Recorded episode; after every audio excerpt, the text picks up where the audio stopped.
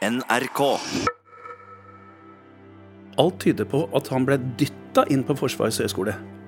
Nettopp for at reven skulle tas i hønsegården. Etter at han var overvåka i seks-sju år. Og ga sikkerhetsklarering til å komme inn i det aller helligste. Hvorfor? Jo, fordi de ikke hadde noe på han.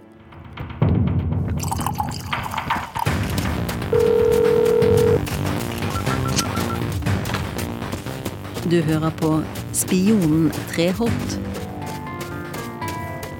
Jeg heter Line Alsaker. Tredje del Snuskesentralen. Det er ikke vanskelig å slå. Han har brutt staven! Han har brutt staven! Han har brutt staven! Og går bare med én stav! Og så får han den igjen! Og så får han den igjen! Ikke fall nå, Oddvar! Han ligger foran seg. Det er februar 1982. Dagen etter at Oddvar Brå brekker staven og Norge må dele gullet med Sovjet på herrestafetten i langrenn, lander en norsk spaner i all hemmelighet i New York. Han har en oppgave å utføre. En oppgave som skal binde Treholt enda tettere til KGB. Metodene som overvåkingspolitiet og FBI bruker, skal seinere bli svært omdiskutert. Særlig pga. mengden og antall personer som er involvert. And then we were faced with Norwegian in- language information we didn't understand. FBI-sjef Jean Grey har fått et problem. Arne Treholt snakker norsk. Et språk ingen i FBI forstår. Spaneren fra Norge har kommet for å høre på opptak av avlyttede telefonsamtaler og se på materialet som FBI har skaffet, mens de har overvåket Arne Treholt og familien. I denne serien forteller den pensjonerte FBI-sjefen offentlig for første gang om det tette båndet mellom FBI og det norske overvåkingspolitiet. Well, we had a Norwegian security squad as a subunit in Section 37, and they were given office space right on the main floor of our uh, Division 3, the Soviet division. Overvåkingspolitiet får egne sitteplasser i hovedetasjen til seksjon 37 i FBI, Sovjetavdelingen. and um, given building passes, and they they were treated like they were FBI agents. They came and went on their own schedule, and they, but they were also keeping up up to date on what they were hearing in Norwegian that was uh, useful to us.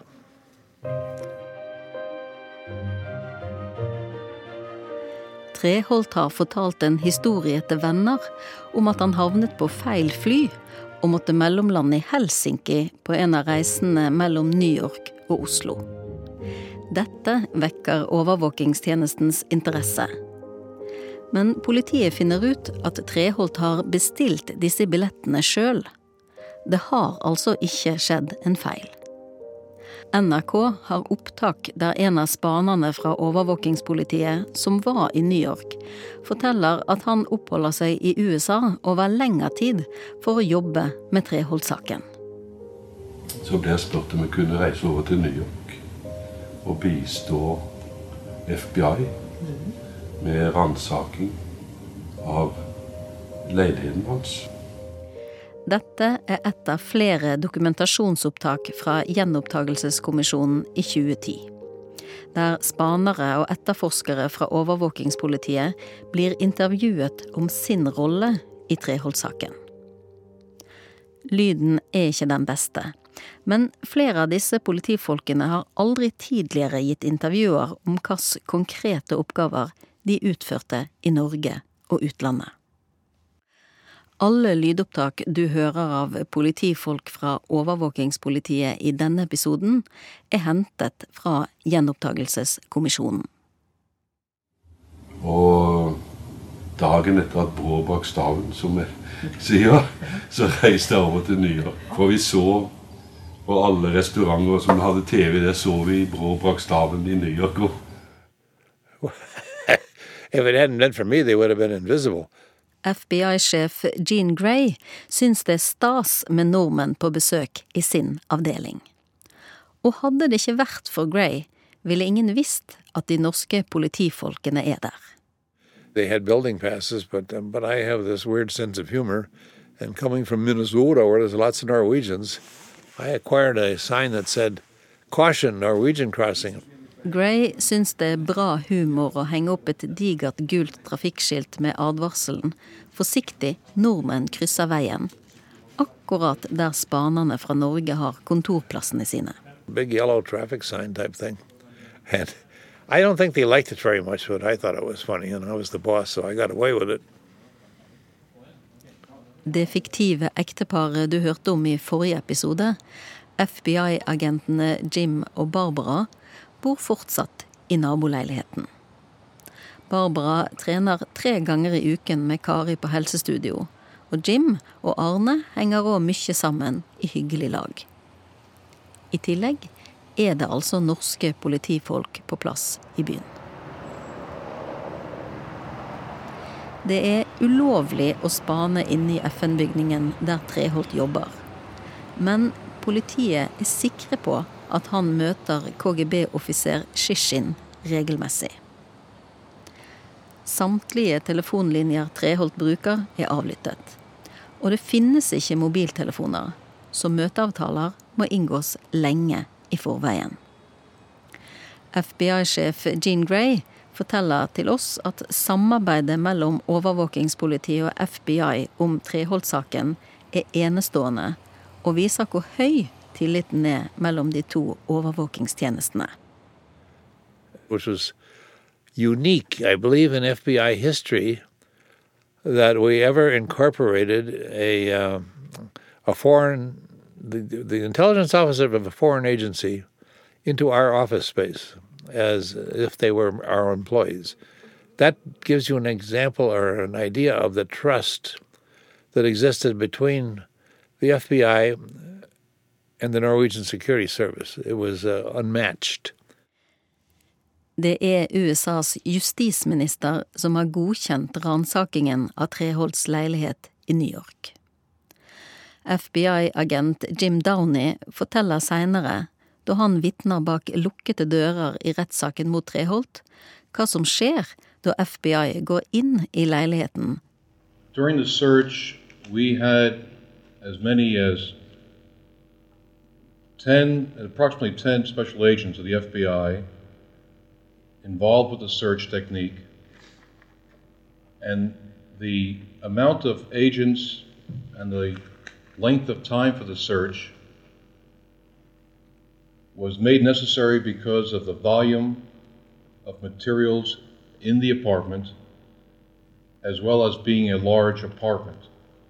Ransakingen av leiligheten tar fire dager. For leiligheten er stor og full av dokumenter. Hver eneste lille papirlapp blir båret ut av Treholts leilighet, inn i FBI-leiligheten, kopiert og lagt nøyaktig tilbake på plass. So because we meticulously or very carefully would not do anything to disrupt the original condition of the documents as they were presently in that location. Til slutt finnes det ikke én kvadratcentimeter av leiligheten som ikke er undersøkt og gjennomgått. We have not missed one inch of that apartment. Every drawer was turned inside out, pulled out. The backs of the drawers were examined. Under the drawers were examined. Everything that we could possibly pull out without destroying the apartment was done.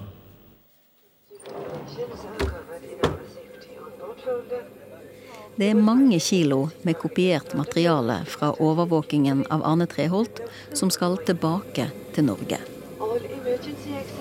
Og det ble eh, Jeg tror det ble 38 kilo med bager med dokumenter i. Og de tok så stor plass at vi måtte ha ekstra plass. Altså. Og kunne ikke sende de i bagasjen. For eh, dette var jo graderte dokumenter. Mm. Hemmelig, fortrolig eller Ja. Vi må stoppe litt. For hva menes med et gradert dokument? Generelt går det an å si at det er informasjon som må beskyttes. På 70- og 80-tallet blir kopimaskinen i Utenriksdepartementet betjent av en egen operatør dersom du trenger en kopi av et gradert dokument. Dan Børge Akerø er den pågående reporteren. Sjekker du graderingen på dokumentene du skal kopiere her? Ja, det gjør jeg alltid. Hvis eh, en saksbehandler vil kopiere et hemmelig eller fortrolig dokument, eh, lar det seg gjøre? Eh, ja, det lar seg gjøre, men eh, jeg vil ikke gjøre det alene. Da vil jeg ha saksbehandler ved min side. altså. Blir strengt fortrolige dokumenter noensinne kopiert her? Eh, nei, ikke av meg. Men kan andre betjene kopieringsmaskinene? Ja, ikke uten min tillatelse, altså. Har det skjedd? Eh, det vet jeg ikke.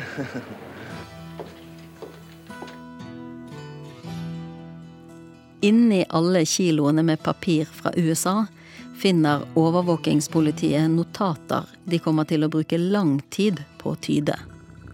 Notater som skal føre til et gjennombrudd i saken.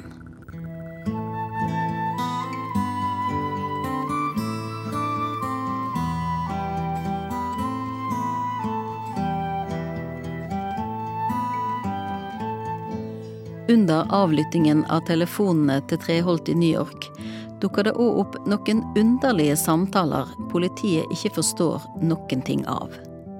Samtaler som virker som om de ikke handler om noe spesielt. Der snakker Treholt på engelsk med en som har tydelig arabisk aksent. Den ukjente mannen i andre enden sier aldri navnet sitt, men han og Treholt snakker om sending og mottak av kort, kataloger, bøker og varer. Når den ukjente refererer til den siste beskjeden han har mottatt fra Arne Treholt, så bruker han begrepet the nylons, nylonstrømpene. Alt tyder på at dette er et slags kodespråk, men siden politiet ikke vet hvem den andre mannen er, velger de å legge disse opptakene til side foreløpig.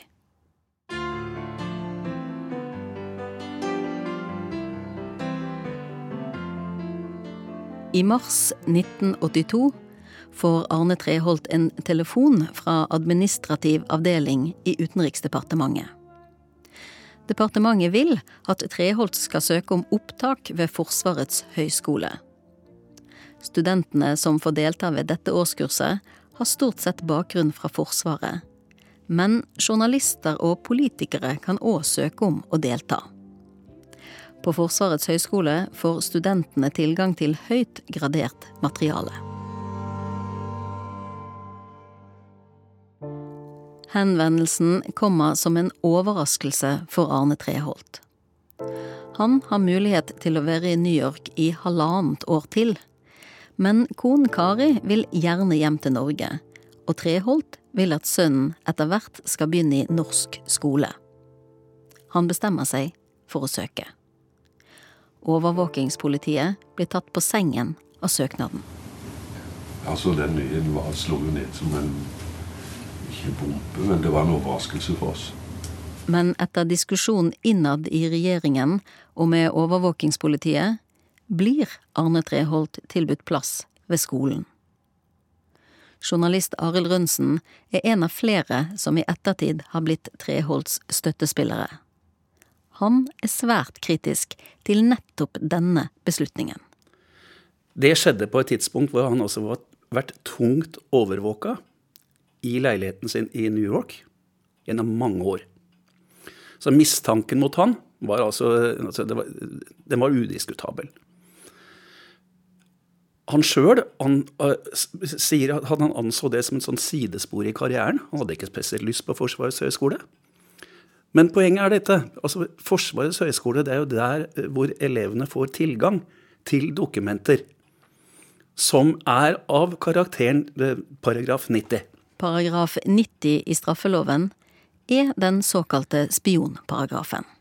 Og sånn som jeg ser det, alt tyder på at han ble dytta inn på Forsvarets høgskole. Nettopp for at reven skulle tas i hønsegården.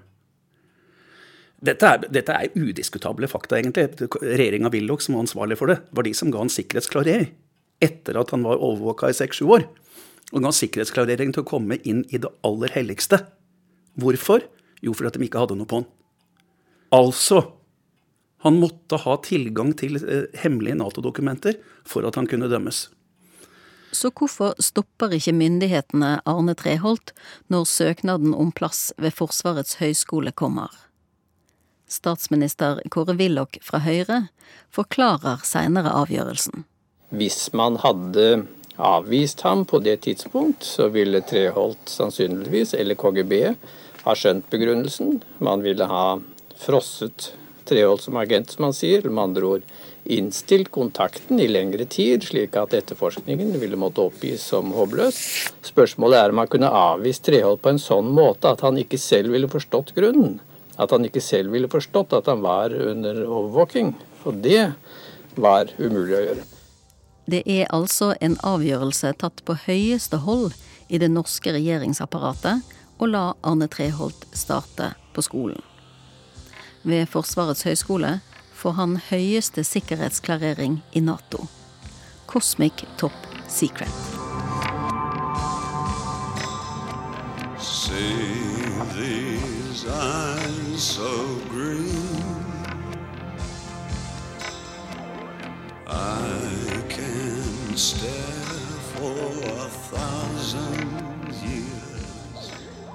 Men så, bare noen uker etter at Treholt offisielt blir tatt opp som student ved Forsvarets høgskole i 1982, får det norske overvåkingspolitiet et brev fra den britiske etterretningstjenesten MI6.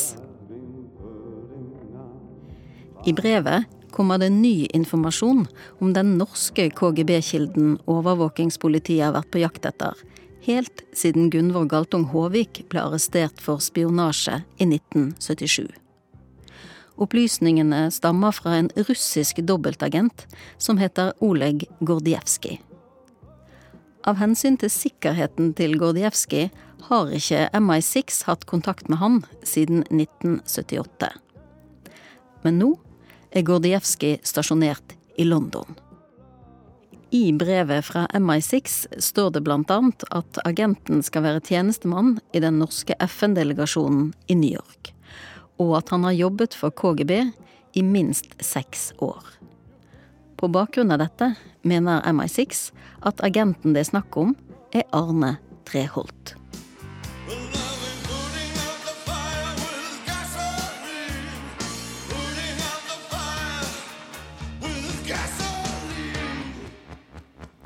I august 1982 er Treholt og familien samlet i Oslo.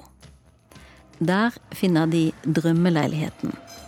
En staselig leilighet i andre etasje i Oscars gate 61 på Frogner, på beste vestkant.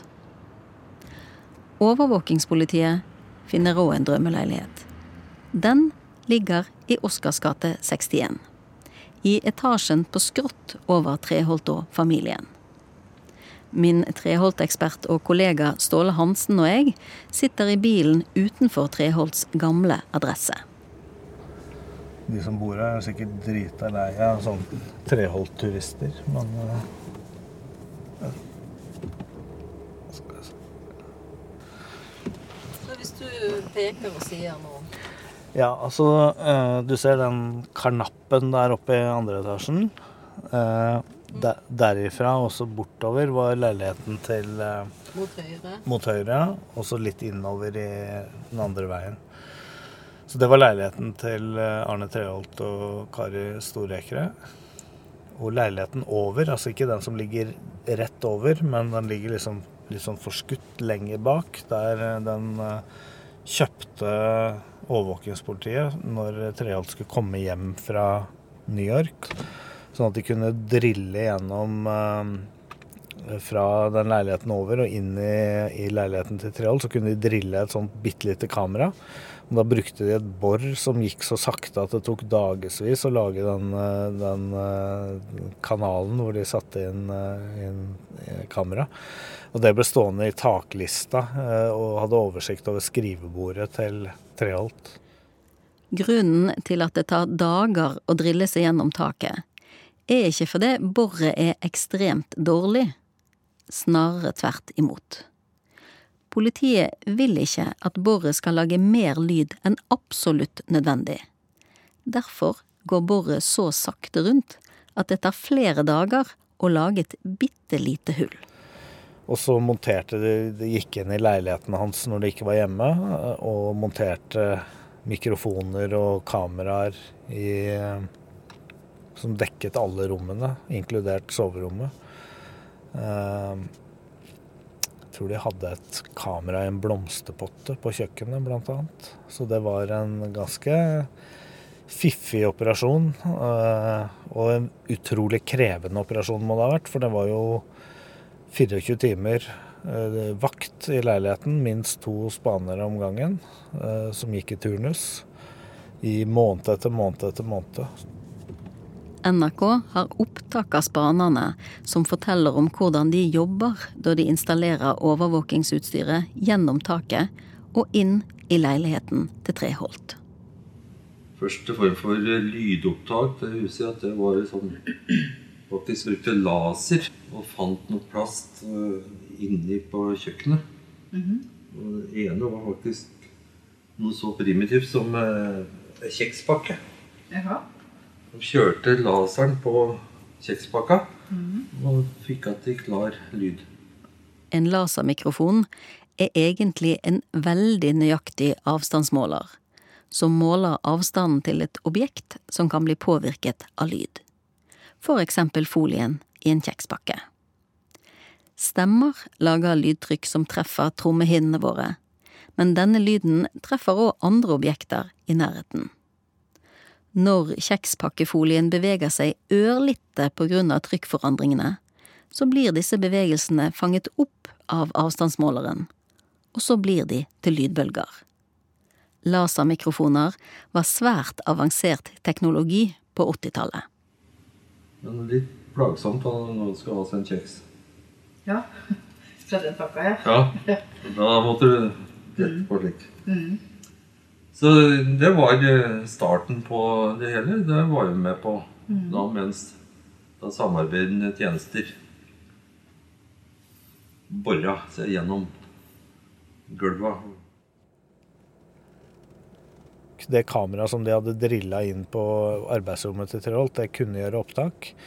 Men eh, bare på sånn datidens videobånd, liksom. Så, så, eh, så de måtte gå og løpe inn på stua og slå på den opptakeren eh, hvis det var noe aktivitet inn på det rommet som de ønsket å gjøre opptak av.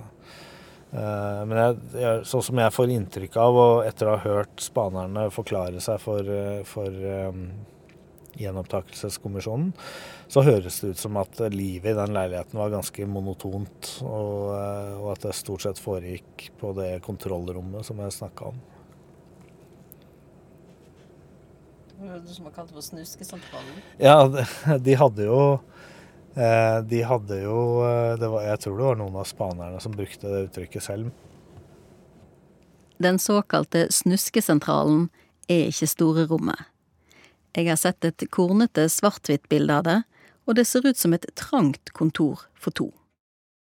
Spaneren forteller til gjenopptakelseskommisjonen at han blir stresset av å sitte og lytte. Jeg følte liksom at jeg hadde ganske høy puls eh, bare det kom av folk. Altså Fordi du hørte det så godt at du følte at du faktisk var omtrent i samme rommet. På skrivebordet er det fire små tjukkskjermer, en båndopptaker, loggbøker, to fasttelefoner, et par headset, et sjakkbrett og askebeger. Inntil veggen ved siden av skrivebordet står en støvsuger. I 1982 er det ingen røykelov som beskytter spanerne mot hverandre. Og det rommet det var så røykfylt og jævlig. Og, unnskyld uttrykket, men så måtte vi jo sette opp døra ut mot gangen der. Og, da vi tok over etter et par stykker, så var det liksom 40 sneiper i askebeger, og det stink av det da. altså. Det er døgnkontinuerlig spaning på Treholt, og det er installert en bryter i Treholts telefon, sånn at når samtalen er over og røret legges på, så fungerer røret som en mikrofon som fanger opp mesteparten av lyden i rommet telefonen står plassert i. De hadde jo eh, en dekkhistorie.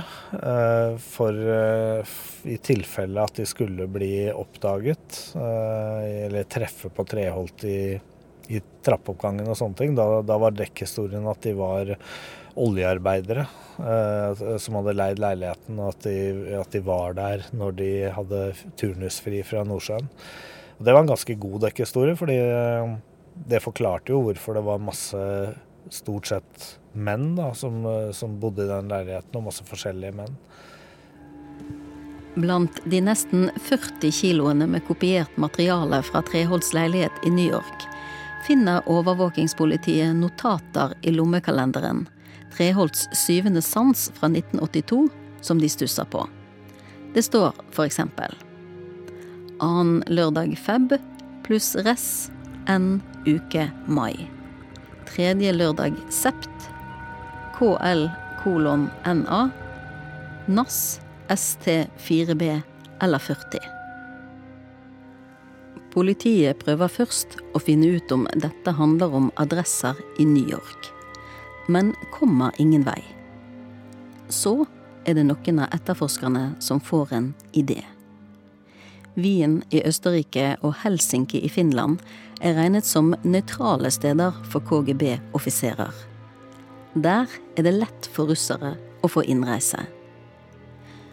Overvåkingspolitiet legger ut kart over begge byene for å undersøke om det er adresser der som kan passe inn i det de tror er en stedskode i almanakken til Treholt. Etter prøving og feiling finner de et sted i Helsinki. Toivo Kula-parken. I oversiktskalenderen for 1983 er det satt en ring rundt lørdag 12. februar. Det er òg satt opp en notering om reserve 19. Overvåkingspolitiet er på plass i Helsinki den 12. Etterforskerne blir ikke skuffet. Klokken seks kommer en gammel kjenning gående i parken. Det er KGB-general Gennadij Titov. Han er blitt litt rundere rundt magen enn da han sist ble sett i Norge. KGB-offiseren oppholder seg i parken i en times tid, men Treholt dukker ikke opp. Titov blir plukket opp av en bil som tilhører den sovjetiske ambassaden, og forsvinner. Det samme gjentar seg uken etter, 19. februar. Titov kommer til parken nøyaktig klokken seks om ettermiddagen. Men Treholt kommer ikke denne gangen heller. Titov drar av gårde etter 40 minutter, og ifølge spanerne som følger med, virker han synlig irritert.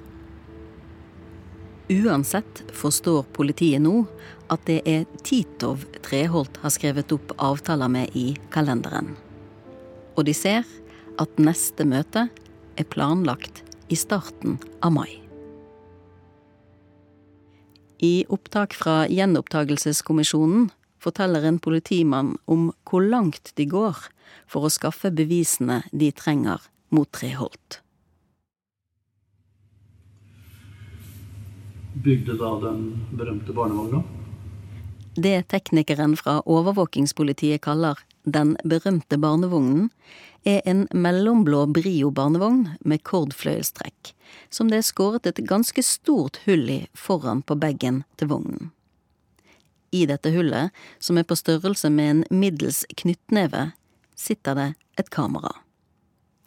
Utløseren er i håndtaket til barnevognen, sånn at den som triller vognen kan ta bilder mens de går på gaten.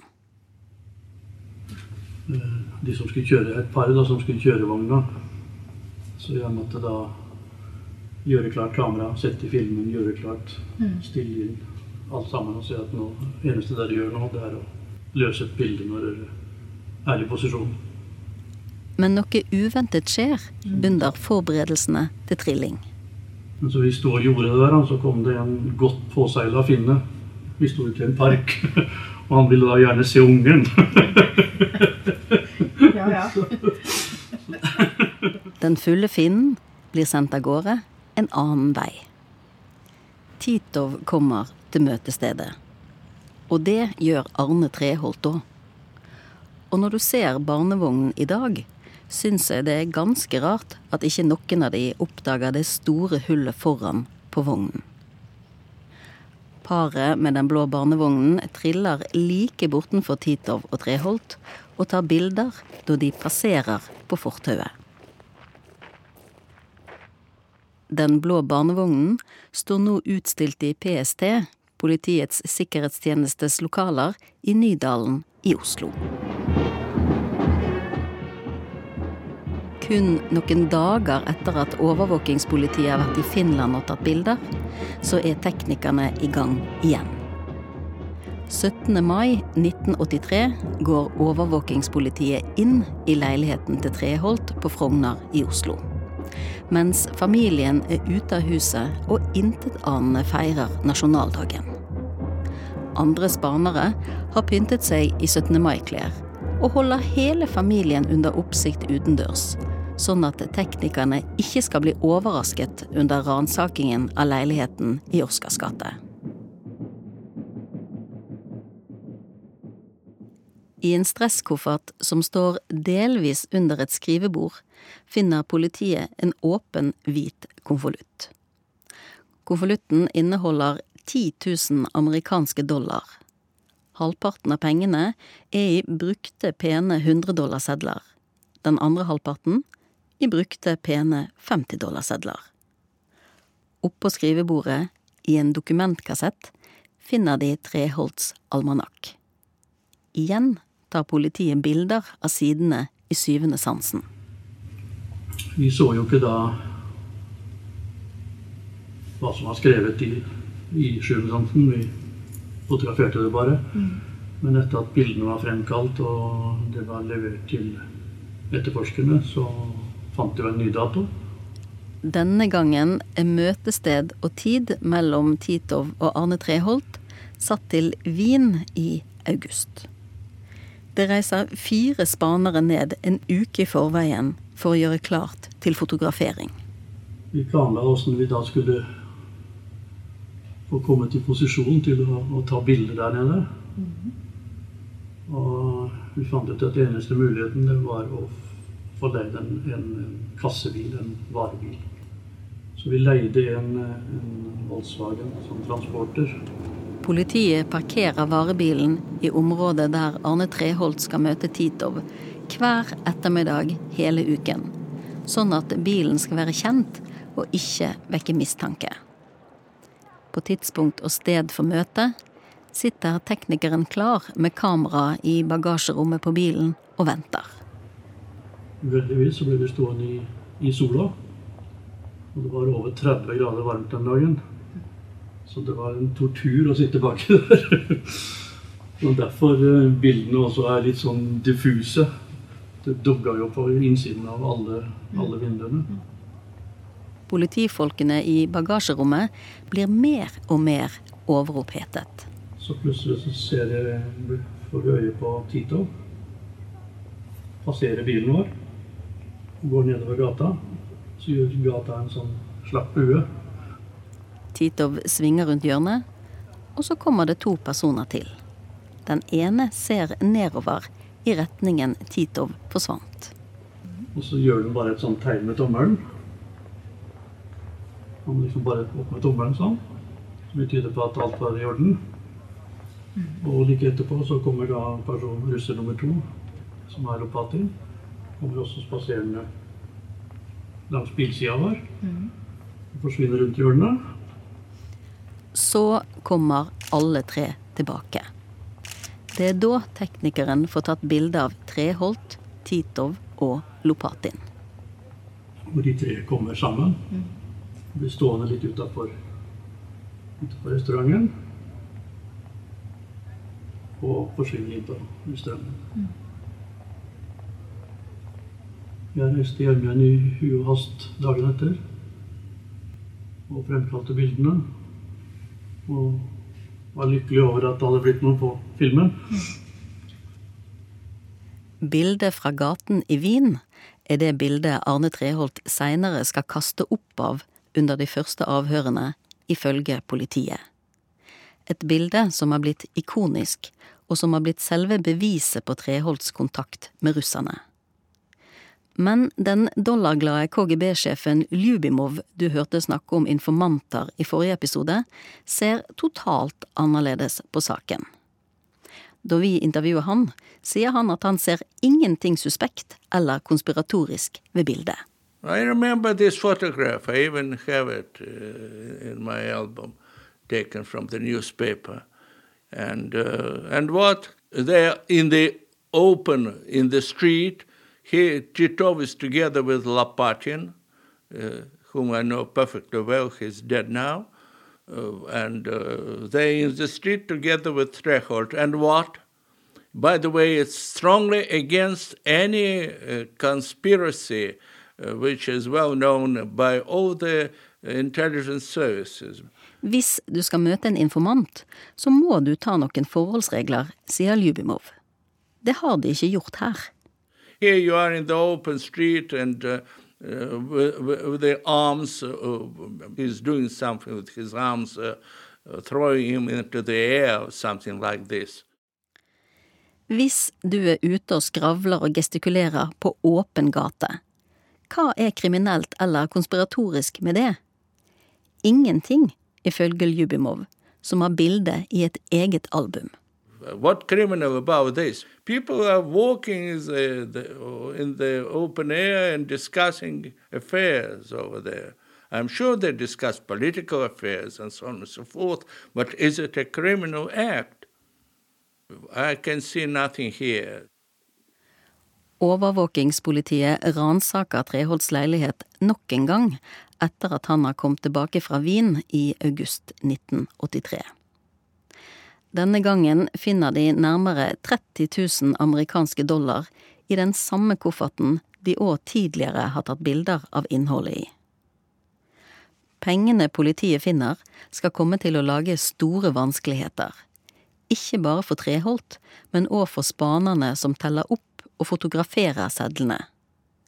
Både summen som politiet teller seg frem til, og tykkelsen på pengebunken er noe som gjentatte ganger kommer til å bli tatt opp igjen og igjen av Treholts advokater og støttespillere. Arne Treholt arresteres fem måneder etter at møtet med KGB-offiserene blir fotografert i Wien. Og dermed begynner de lange avhørene. Hvordan forklarer Treholt hvorfor han gjorde som han gjorde? Why does someone become a spy? There's this acronym called MICE M for money, I for ideology, C for coercion, E for ego. Maybe it went to ego first with Trehold and then money. I don't know. Neste del avhørene.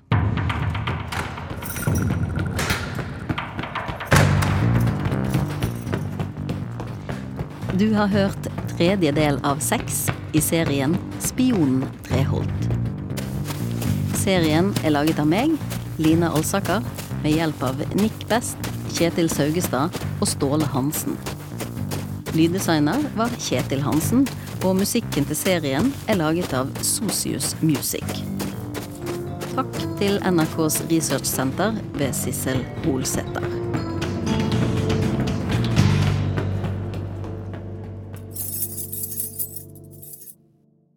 Og dersom du vil høre flere podkaster fra NRK, anbefaler jeg Sånn er du, der Harald Eia og Nils Brenna analyserer kjente personer med personlighetstesten Big Five.